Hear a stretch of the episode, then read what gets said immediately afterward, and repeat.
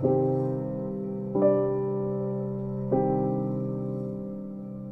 semuanya. Eh, udah berapa bulan ya kita nggak ketemuan? Maksud gue udah berapa bulan ya gue nggak upload podcast. Ntar. Terakhir update tanggal 5 April tahun 2020. Wih. Lumayan lama juga ya. Jadi selama kurang lebih berapa bulan sih?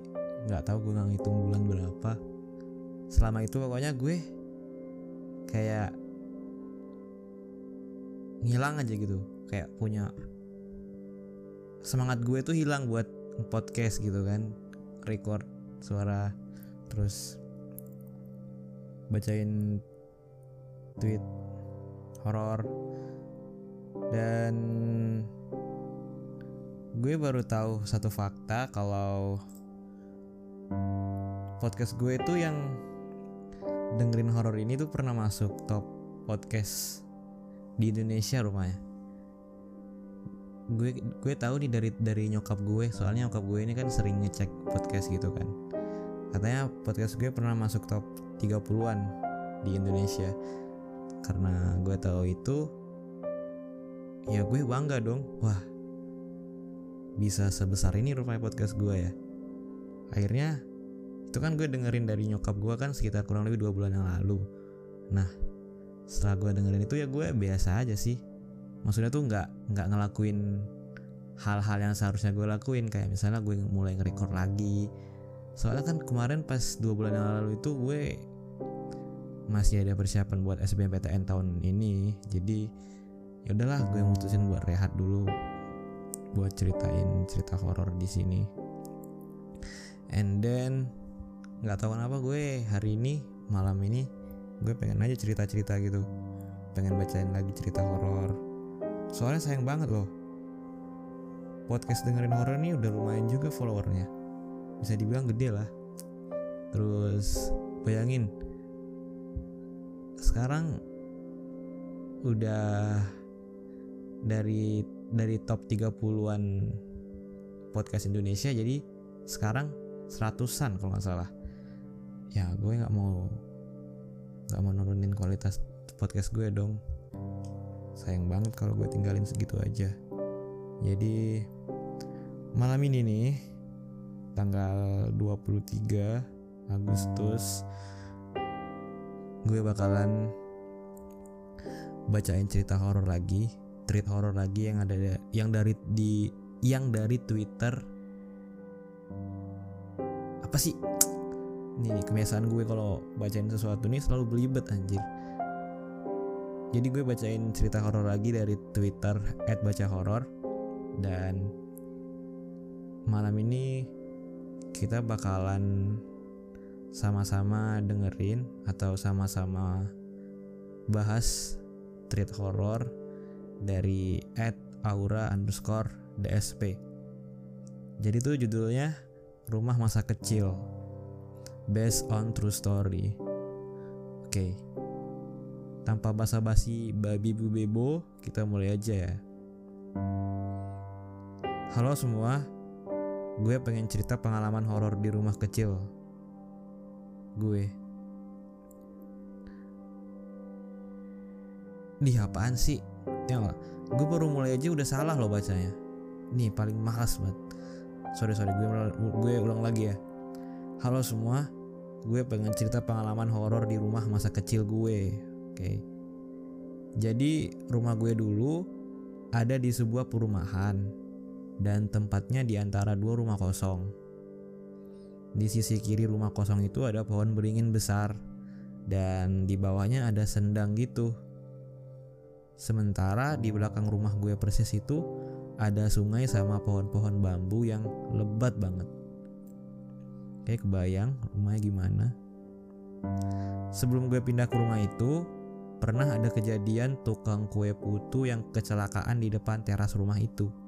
Dan langsung meninggal di tempat. Hmm, menarik. Nggak lama setelah kejadian itu, gue sekeluarga pindah nih ke rumah ini. Kata mama gue dulu pas baru awal pindah, setiap malam Jumat di depan pagar ada yang suka naburin bunga-bunga sama air gitu. Jadi setiap Jumat pagi mama gue bersihin bunga-bunga ini.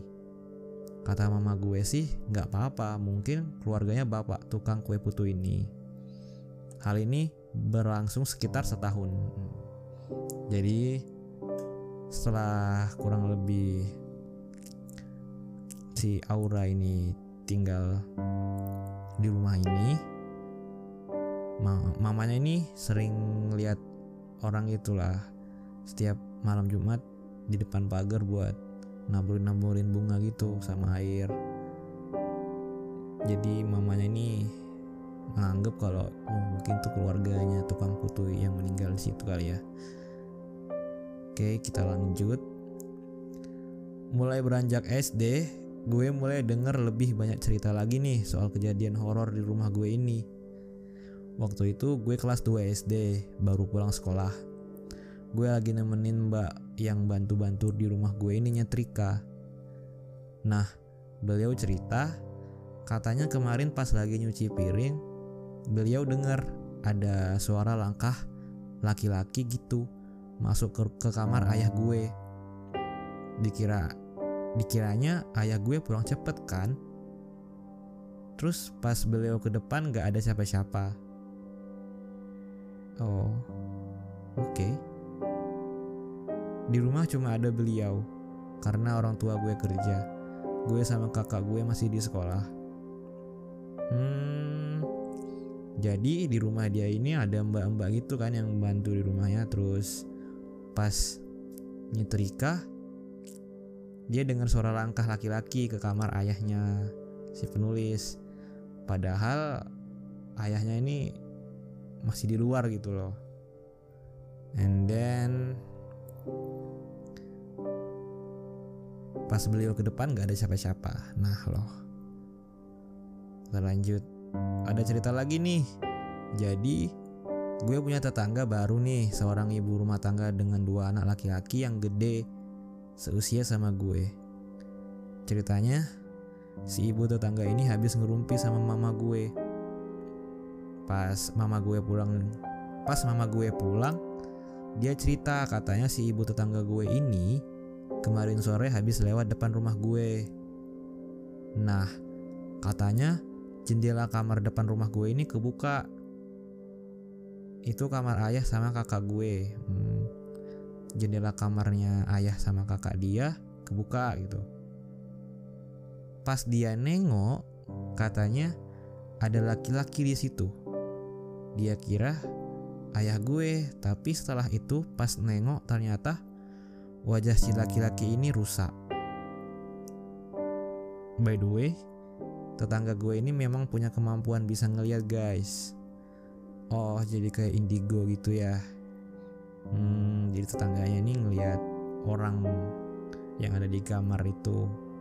Dan pas dilihat ternyata wajahnya rusak gitu guys. Kalau kejadian suara telapak kaki laki-laki ini emang sering banget. Yang paling sering dengar adalah mama gue. Karena beliau sering di dapur.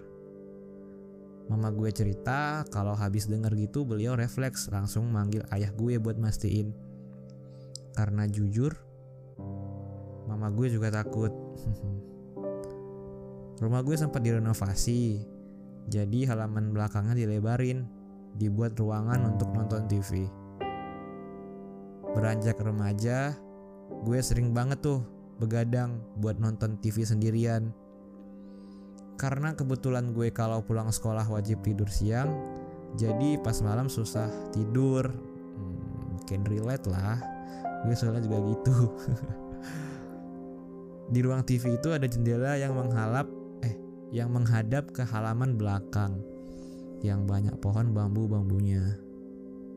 Kalau kebiasaan gue, karena gue nggak suka pakai kipas angin, jadi kalau lagi nonton TV, jendela itu selalu gue buka terus kordennya gue tutup wah nyari masalah lu pernah suatu malam sekitar jam 10-an gue lagi nonton sendiri. Gorden di jendela ruang TV ini mulai gerak-gerak. Gue liatnya biasa aja karena mikir paling cuma angin. Tapi makin lama gue lihat geraknya kayak bukan karena angin. Tapi di situ gue masih diamin aja. Sampai tiba-tiba gorden gue nih kayak ada tangan yang nonjok dari luar. Gue langsung kaget dong langsung aja gue buka gordennya buat ngecek kenapa sebenarnya. Dan lagi-lagi nggak ada apa-apa di luar.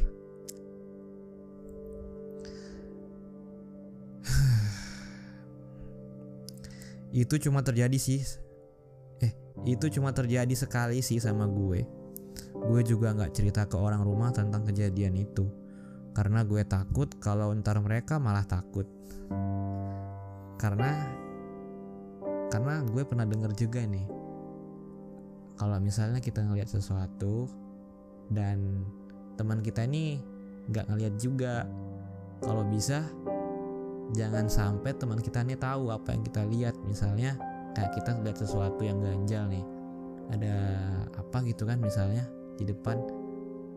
Nah kita jangan sampai ngomongin ke teman kita kalau ada sesu ada sesuatu di situ kan.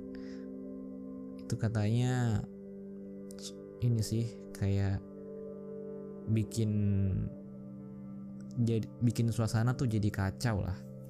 Udah simpen aja sendiri gitu loh. Nanti ceritanya pas udah da udah pergi dari daerah situ. And then kita lanjut. Ada juga cerita dari kakak gue. Jadi kakak gue kan kalau tidur sama ayah gue di kamar depan. Nah di kamar depan itu ada kamar mandi dalamnya suatu malam kakak gue nggak bisa tidur doi cuma tiduran aja di atas kasur Ayah gue di sebelahnya udah tidur lelap. Lampu kamarnya kan dimatiin. Cahaya dari lampu kamar mandi aja. Hmm. Kamarnya gelap, terus lampu kamarnya dimatiin, jadi sisanya lampu dari kamar mandi. Alright. Kakak gue ngeliat ke arah kamar mandi, pintunya ketutup rapat. Terus habis itu dia coba merem. Nah, pas merem, doi denger suara pintu kamar mandi dibuka kayak ada orang masuk. Doi melek lagi, tapi pas lihat nggak ada siapa-siapa. Tapi pintu kamar mandi ini jadi agak kebuka dikit. Hmm, kalau dari cerita kakak gue, Doi buru-buru langsung coba tidur karena ja karena takut juga kan. Iya sih. Hmm. Ya, siapa juga yang nggak takut? Tiba-tiba ada pintu kamar mandi kebuka padahal nggak ada siapa-siapa gitu kan.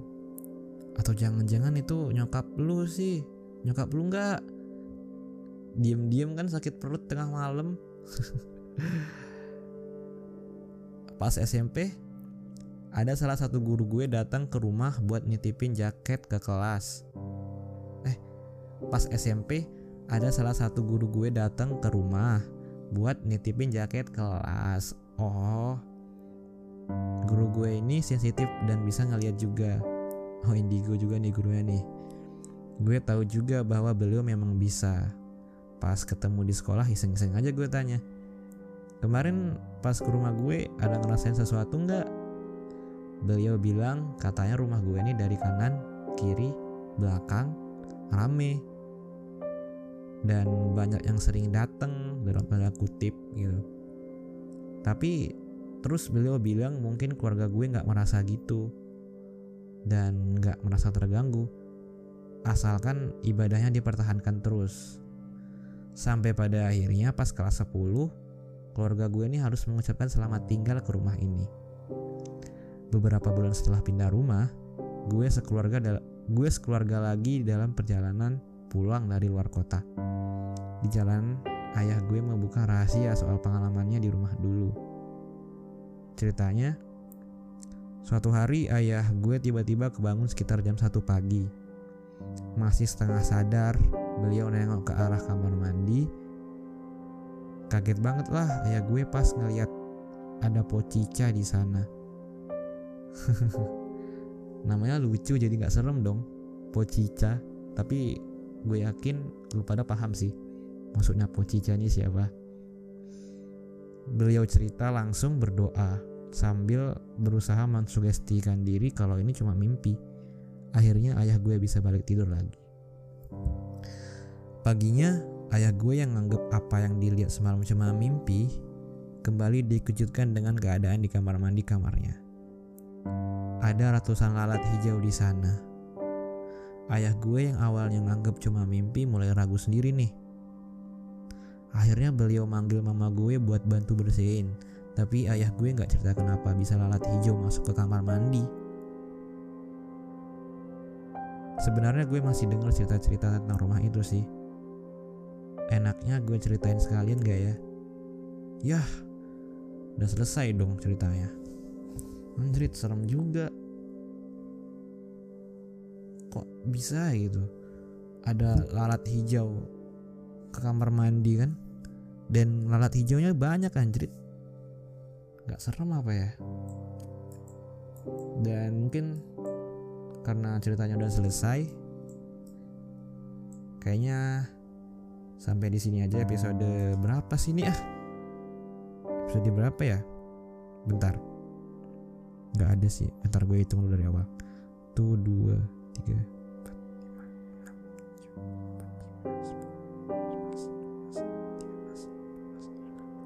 Oh episode 16 Dan Terima kasih udah dengerin podcast ini sampai habis Kalau kalian punya cerita Atau pengalaman horor Mungkin bisa langsung kirim ceritanya ke email gue dengerin horror at gmail.com atau langsung tulis berupa tweet di Twitter dan jangan lupa kasih hashtag baca horor ya. Oke sekian dari gue buat malam ini. Selamat malam.